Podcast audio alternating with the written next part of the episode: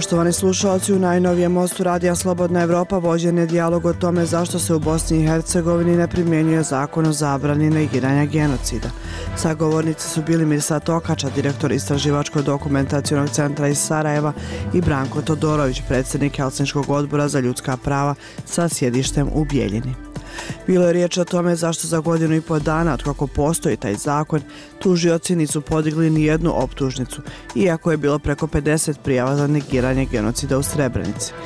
Da li su razlozi politički ili je taj zakon koji je nametno bivši visoki predstavnik za BiH Valentin Insko od početka bio osuđen na propast?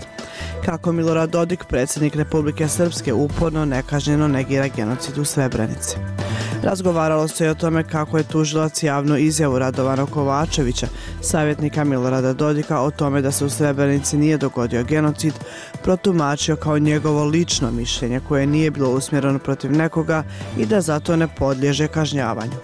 Može li se dokazati da negiranje genocida postiče na nasilje? Da li se pojedine izjave o negiranju genocida mogu tumačiti kao sloboda govora? Koliko je kontrola političara u Bosni i Hercegovini nad pravosuđem? da li će zakon o zabrani negiranja genocida ostati mrtvo slovo na papiru. Most je pripremio Omer Karabek. Most radija Slobodna Evropa. Dialogom do rješenja.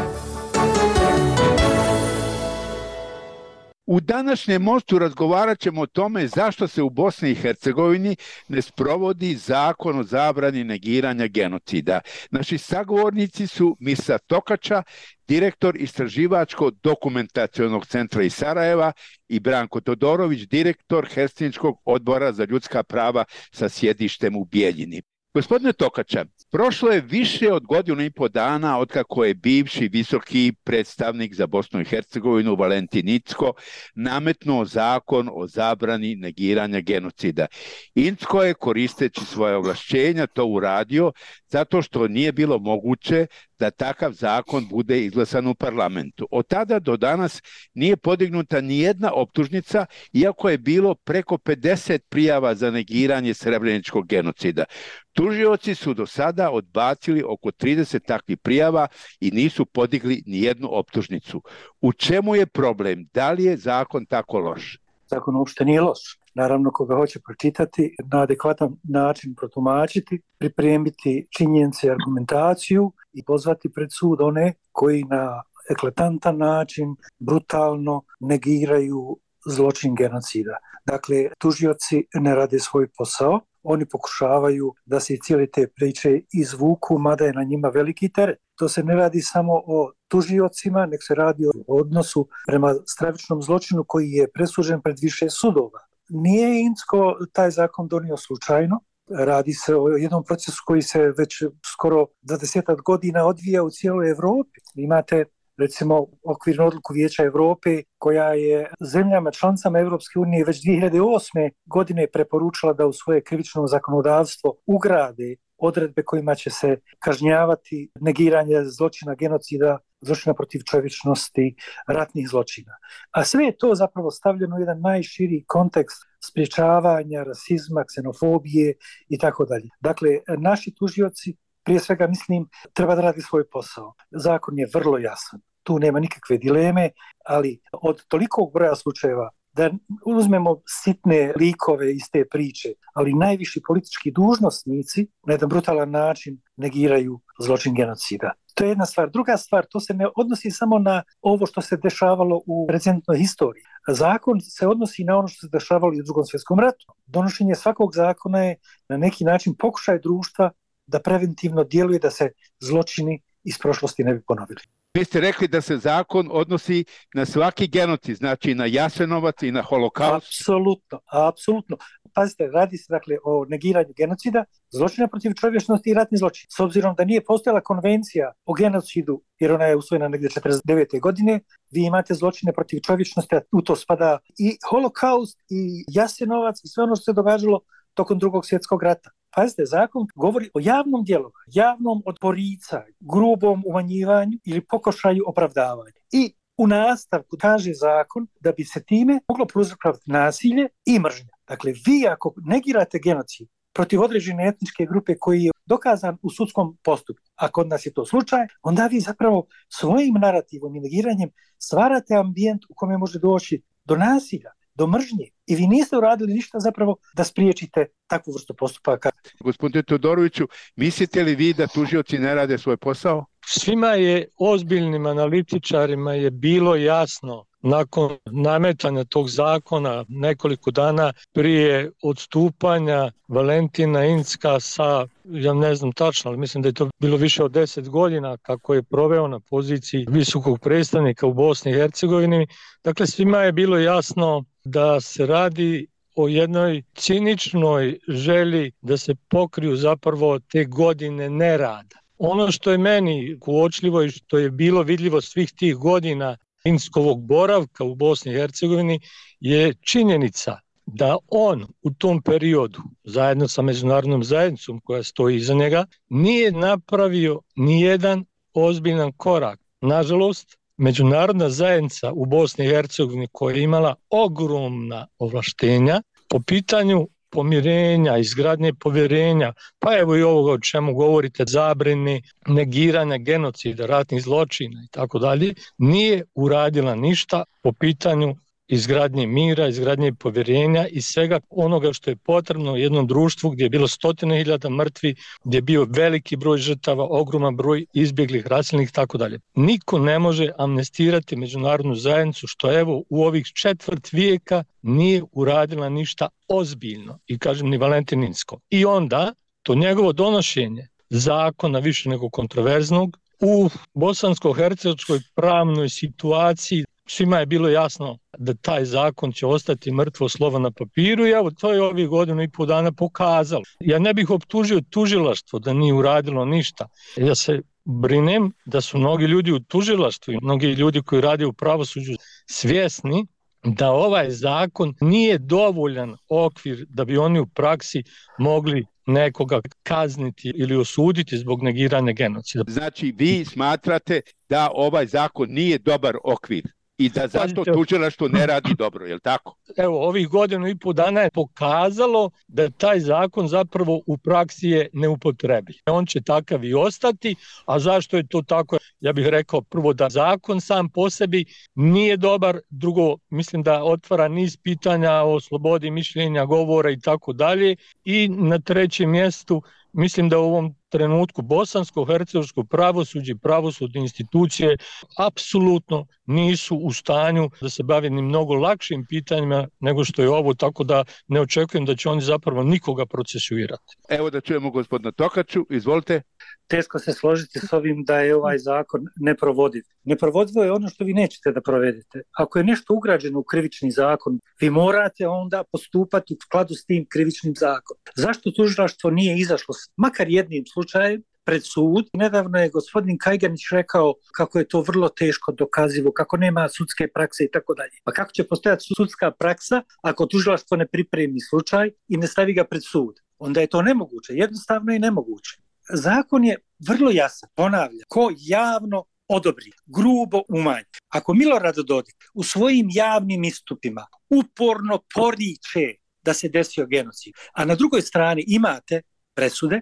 jer i zakon se poziva na te presude Međunarodnog suda pravde, Međunarodnog tribunala, oprostite, niko nema pravo da se ponaša na način da ignoriše, jer ovo je ignorisanje krivičnog zakona. To je jedna dimenzija. Druga dimenzija je ovo što je Branko rekao, slažem se da je Insko dugo čekao, ali on čekao da naši akteri nešto urade. Godinama se pred parlament postavlja ovo pitanje. Ali kako ćete vi donijeti zakon u parlamentu Bosne i Hercegovine kad akteri genocida, oni koji su ga na razne načine podržavali, pa čak i učestvovali, sjede u parlamentarnim klupama. Čak i da nema zakon. Visoki predstavnici od trenutka kad je donesen Dejtonski mirovni sporazum, ima ih oblaštenja, oni bez krivičnog zakona mogu smijeniti sa funkcija one koji negiraju genocid. Dakle, postoje instrument, ali ne postoji, bojim se, politička volja, žrtve, oni koji su preživjeli genocid, su očekivali da će tužilaštvo raditi svoj posao. Ja mislim da ga ne radi i oni će to morati prije ili kasnije učiniti bilo pod pritiskom međunarodnih faktora, bilo pod pritiskom žrtava. Poštovani slušalci, pratite Most Radija Slobodna Evropa u kome se vodi dijalog o tome zašto se u Bosni i Hercegovini ne sprovodi zakon o zabrani negiranja genocida. Sagovornici su Branko Todorović, predsjednik Helsinškog odbora za ljudska prava sa sedištem u Bijeljini i Mirsad Tokača, direktor istraživačko-dokumentacijonog centra iz Sarajeva. Govori Branko Todorović. Ja bih otvorio pitanje zašto niko iz međunarodne zajednice nije uradio konkretne korake, evo na primjer Ured visokog predstavnika, da nametne Bosni i Hercegovini zakon o lustraciji. Šta bi to značilo u praksi? Mislim da bi to bilo dragocino da je urađeno recimo tamo negdje u periodu do 2000. godine. To bi u praksi značilo da ratni zločinci ne mogu biti u parlamentima, ne mogu biti u institucijama i ne mogu zauzimati ona ključna mjesta u bosansko-hercegovačkom društvu, odakle su mogli u potpunosti da obstruišu mnoge procese važne i za žrtve i za društvo u cijelosti u Bosni i Hercegovini. To je recimo za mene suštinsko pitanje. Nego međunarodna zajednica je veliki broj ratnih zločinaca uzela kao relevantne političke i društvene faktore i partnere. I Helsinški odbor je u proteklih 20 godina i više često upozoravao na neprihvatljivu praksu da na nekim recimo pozicijama u policiji, u vojsci, u lokalnim zajednicama, u parlamentima imamo ljude koji su učesnici, organizatori ratnih zločina i koji se recimo u haškim presudama u više navrata ne samo pominju, nego se jasno navodi koja su nedjela radili. To imamo i danas na nivoima entiteta, kantona, pa čak i u državnom parlamentu počinioce gnusnih ratnih zločina.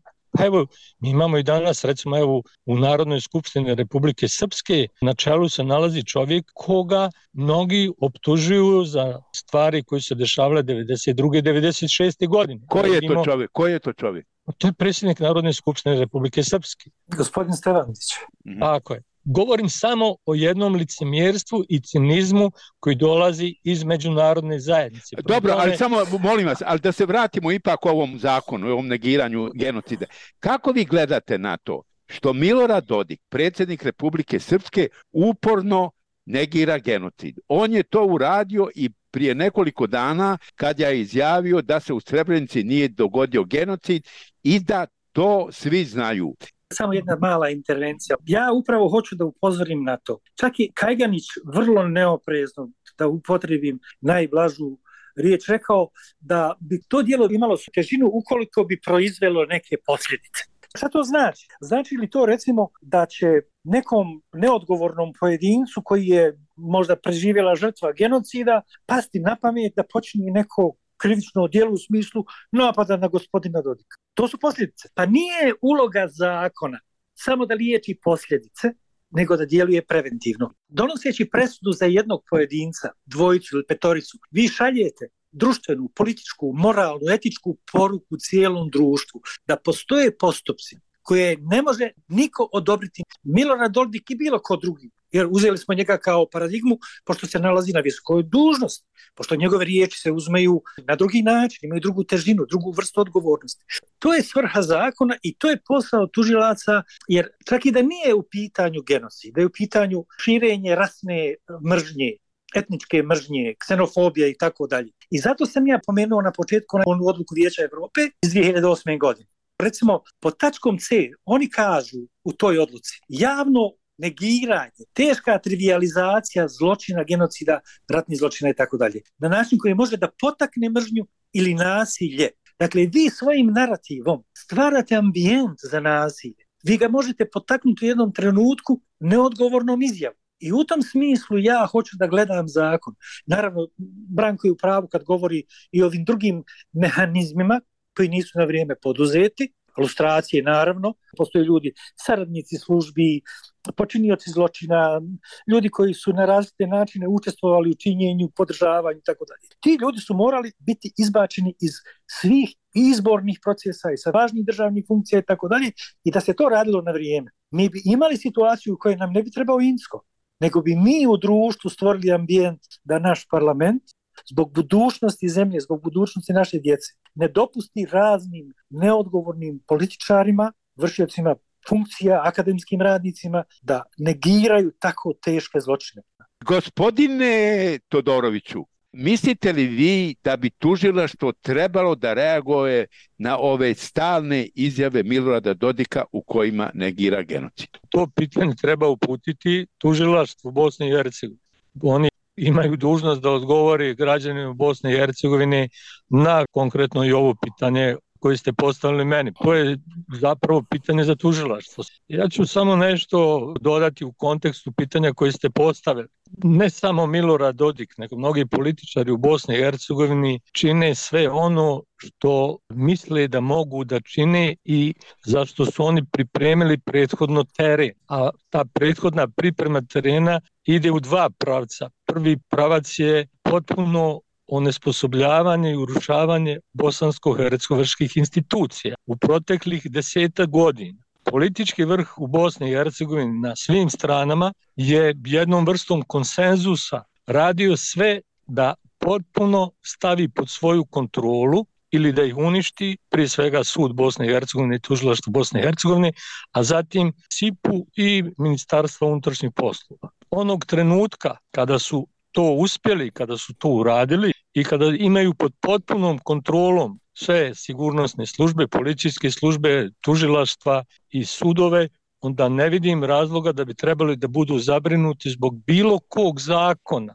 ne samo zbog ovaj negiranja genocida, nego i zbog mnogih drugih zakona vezanih za korupciju, zloupotrebu vlasti i mnoga druga pitanja, A druga stvar koju su oni veoma efikasno uradili u proteklih deseta godina je da su međunarodnu zajednicu u Bosni i Hercegovini sveli na jednu karikaturnu pojavu koja tu nešto tobože radi, a u suštini niti šta radi ozbiljno, niti šta može da uradi. To je nešto o čemu međunarodna zajednica treba da razgovara i u Briselu, i u Sarajevu, i na najvišim nivou i da se vide zapravo u kom pravcu ova zemlja ide. Ako je međunarodna zajednica ovdje zaista postala samo jedan, kako bi rekao, dekor, onda je došlo krajnje vrijeme da oni budućnost i upravljanje ove zemlje prepuste tim ljudima, ma kakvi oni bili. Gospodine Tokača, mislite li vi da je tužilaštvo do sada trebalo da reaguje na ova stalna negiranja genocida što radi Milorad Dodik? Ne da je trebalo, nego je moralo. Ja sam u jednom trenutku od bivše tužiteljice bio optužen na neki način kao zašto mi kritikujemo tužilaštvo. Pa mi kritikujemo zato što nam je stalo do rada tužilaštvo. Izvinite, ako imate 30 ili ne znam koliko prijava, pa nije valjda da su te sve prijave, čak i da ih nema. Pazite, kod nas tužioci govore kako njima nema policijskih dojava, kako policija im nije, pa ne treba ni policija da im sve uradi. Ja sam radio godinama sa tužiocima iz tribunala. Nisu oni čekali da im neko drugi uradi posao, nego su oni sami radili istraživanje, dolazili na teren, gradili slučaj. Pa ako vam neko u nekoliko, ne u jednom ili dva, nego evo godinama javno negira genocid. Samo da ste sakupili sve te izjave, da izađete pred sud, da kažete, evo, ovo je naša optužnica. Pa nek sud odluči, je li to dovoljno dokaza ili nije. Međutim, oni ne rade jednostavno svoj posao, Da li oni ne rade svoj posao ne rade. Ili, su, ili su dobili instrukciju da ne rade svoj posao? E, to je već nešto drugo. Ja o tome neću da raspravljam jer ne znam. Da znam da imam bilo kakav dokaz, bilo čijeg uticaja, ja bi to javno rekao jer nemam nikakve ograde sprem toga. Ali je indikativno da oni to ne rade, da li pod pritiskom, da li zbog nečijeg signala, da li zbog nekog interesa, ja u to ništa da ulazim uopće. Činjenica jeste da nemate predmeta pred sudovima. To je sva priča. Žrtve već su vrlo nervozne. Hoćemo li mi dozvoliti da isfrustrirane žrtve, ljudi koji su prepatili strašne stvari, izgubili cijele porodice, naprave nešto što nije dobro došlo ili ćemo se nastaviti s ovom pričom. Ja se toga bojim. Poštovani slušalci, pratite Most Radija Slobodna Evropa u kome se vodi dijalog o tome zašto se u Bosni i Hercegovini ne sprovodi zakon o zabrani negiranja genocida. Sagovornici su Mirsad Tokača, direktor istraživačko-dokumentacijonog centra iz Sarajeva, i Branko Todorović, predsjednik Helsinčkog odbora za ljudska prava sa sedištem u Bijeljini. Voditelj je Omer Karabeg. Gospodine Todoroviću, Milanko Kajganić, glavni tužilac Bosne i Hercegovine, kaže da kad je riječ o negiranju genocida, treba pronaći sredinu između slobode govora i krivičnog dijela. mogu li se neke izjave o negiranju genocida tumačiti kao sloboda govora? Pa naravno, to je sada pitanje o kome vrhunski pravnici u svijetu mogu da raspravljaju danima i nikada neće utvrditi pravu istinu. To je neka vrsta, ja bih rekao, izgovora koji mi često čujemo. Ja sam isto imao priliku nedavno čuti kako glavni tužilac govori o tome kako oni mnogo više očekuju od policijskih agencija, kako unutar institucije u Bosni i Hercegovini ne postoji saradnja puna povjerenja, što je naravno neophodno. Ja mislim, zapravo siguran sam, da u Bosni i Hercegovini politički lideri veoma pažljivo, veoma studiozno razmišljaju o tome na koji način staviti pod kontrolu tužilaštvo BiH, na koji način staviti pod kontrolu SIP-u i na ključna mjesta već godinama dovode ili krajnije poslušne ljude odane njima koji će na tim funkcijama zapravo da čuvaju nekome od tih političara leđa i koji će pokrivati nečiji kriminal ili dovode ljude potpuno nesposobne koji se ne razumiju u svoj posao i koji svakako neće uraditi ništa ozbiljno da bi nekoga procesuirali. Evo konkretno i u ovom slučaju ko me vi govorite, ako tužilaštvo za godinu i pol dana nije uradilo zaista ništa ozbiljno, onda se odgovor sam nameće. Zapravo te izjave političara pokazuju da političari ne samo da nisu zabrinuti da bi mogli odgovarati zbog svojih izjava, nego su potpuno uvjereni da im se zapravo ne može desiti ništa loše. A dobro, tome... u tom kontekstu da vas upitam samo nešto.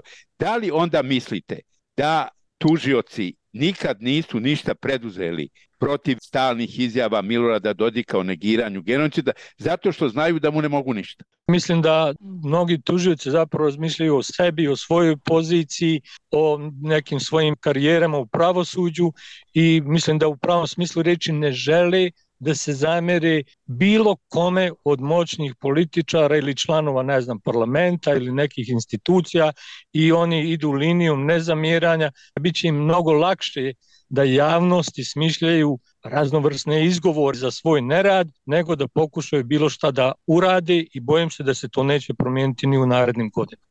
Gospodine Tokača, kako vi gledate na izjavu glavnog tužioca da treba pronaći sredinu između slobode govora i krivičnog dijela? Mogu li se neke izjave o negiranju genocida podvesti i pod slobodu govora? Ne. Sloboda govora ograničava zakon. Vi imate evropski konsenzus o tome da je neprihvatljivo negirati holokaust, genocid. Imate konvencije, imate sudske presude i neko dođe onda s tako stupidnom izjavom ne želim ga vrijeđati, ali on je stupidan. Pa pazite, ako vi podržavate genocid, negirajući tolike presude, pa vi potičete na novi genocid.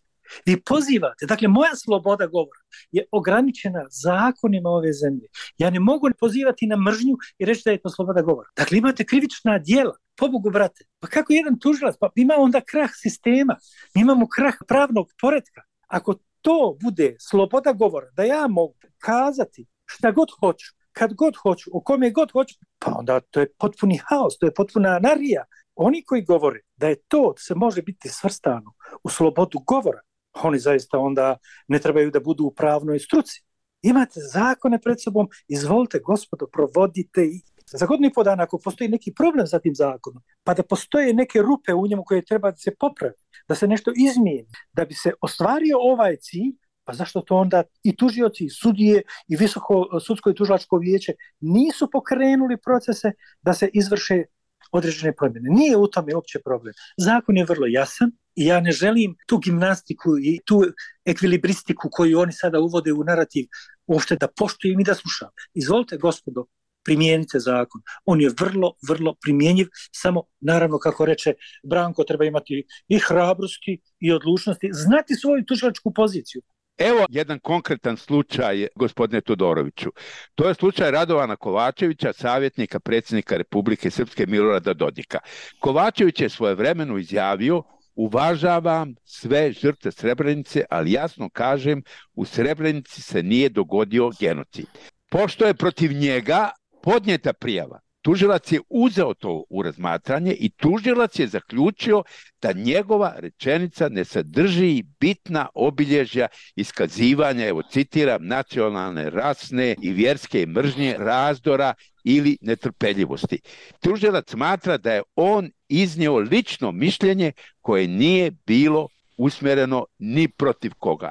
E kako vi na to gledate, gospodine Todoroviću? Mislim da trebamo biti vrlo oprezni kada komentarišemo odluke pravosudnih institucija, pogotovo visokih pravosudnih institucija kao što svakako jeste tužilaštvo Bosne i Hercegovine ili kao što jesu, ne znam, vrhovni sudovi ili ustavni sudovi. I to je pitanje zaista koje bi trebalo prije svega, ja mislim, postaviti upravo tužioću koji je to obrazložio, koji je to napisao ili glavnom tužioću možda. To je zaista jedno pitanje za vrhunske pravnike, jer ta linija je veoma tanka ili slabo vidljiva gdje se sa slobode mišljenja i govora prelazi evo, u ovom slučaju konkretnom na krivično dijelo. To je zaista teško komentarisati izvan konteksta i mislim da je uvijek najbolje zapravo tražiti odgovor od tih nosioca javnih funkcija pravosudnih koji su stali za toga ili od vrhunskih pravnih ekspera.